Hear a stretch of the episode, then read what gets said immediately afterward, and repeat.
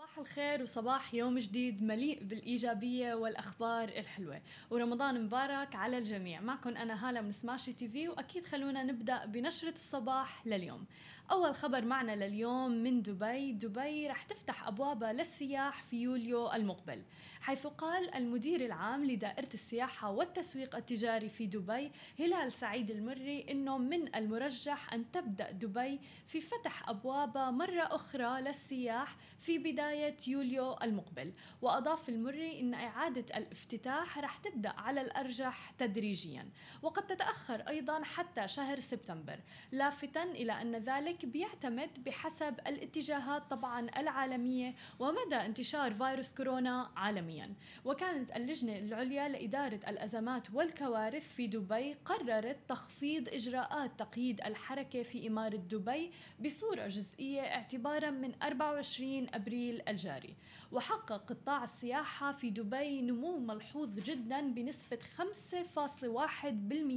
في عام 2019 إذ رحبت الإمارة بأكثر من 16.73 مليون زائر دولي مقارنة طبعا بالفترة ذاتها من العام السابق 2018 لتتجاوز بذلك معدل نمو السياحة العالمية. ولذلك آه مثل ما عم نشوف إنه في يوليو آه من المرجح أن تفتح أبواب الإمارة للسياح وتحديدا أنه الاقتصاد يعتمد على قطاع السياحة بشكل كتير كبير واللي هو تاثر آه مع انتشار جائحة فيروس كورونا.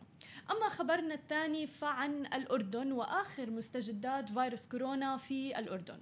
حيث أعلن الأردن يوم الأربعاء اليوم تسجيل وفاة جديدة بفيروس كورونا المستجد ليرتفع العدد الإجمالي إلى 8 وفيات. لكن البلد العربي عزز الأجواء المطمئنة بعدم رصد أي إصابات جديدة بالفيروس. وفي المقابل لم يسجل الأردن أي إصابة جديدة بفيروس كورونا ليستقر العدد الكلي للإصابات على 449 حالة حسب وزير الصحة الأردني سعد جابر. من جانبها أيضا أعلنت الحكومة الأردنية يوم الجمعة المقبل حظر شامل للتجوال بيمتد ل 24 ساعة. وبين وزير الصحة أن الحظر الشامل يمكن فرق التقصي الوبائي من الوصول إلى فئة مهمة وهي فئة مخالطي المخالطين. كما يقلل أيضا من فرص نقل العدوى ويزيد فرص التباعد الجسدي بين الأشخاص أيضا. وخبرنا الأخير عن مصر حيث سجلت مصر 260 حالة إصابة جديدة بفيروس كورونا المستجد و22 حالة وفاة و68 حالة شفاء. في حصيلة جديدة ليوم الثلاثاء. وقال خالد المجاهد المتحدث الرسمي باسم وزارة الصحة أنه جرى تسجيل 260 حالة جديدة ثبتت إيجابية تحاليلها معمليا للفيروس.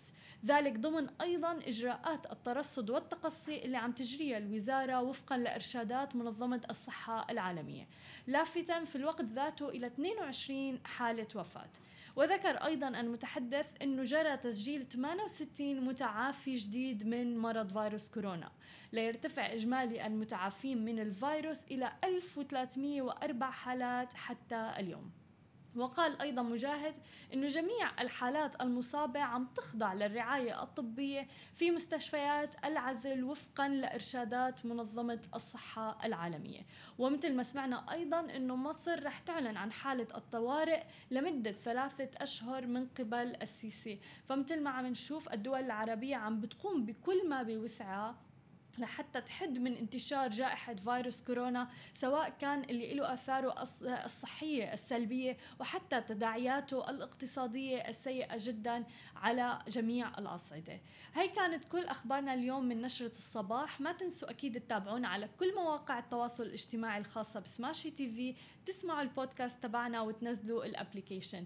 وبتمنى للجميع الالتزام بالمنزل وين ما كنتوا حول العالم واتباع كل التدابير الاحترازية الغازية والوقائية وغسل اليدين بالطريقة الصحيحة لمدة 20 ثانية بعد كل استخدام. وبليز ما حدا يطلع من البيت إلا للضرورة القصوى. هي محنة كل العالم عم بيمر فيها وأكيد إذا ما تأذرنا كلياتنا حطينا إيدنا إيد بإيد ما رح نمر فيها.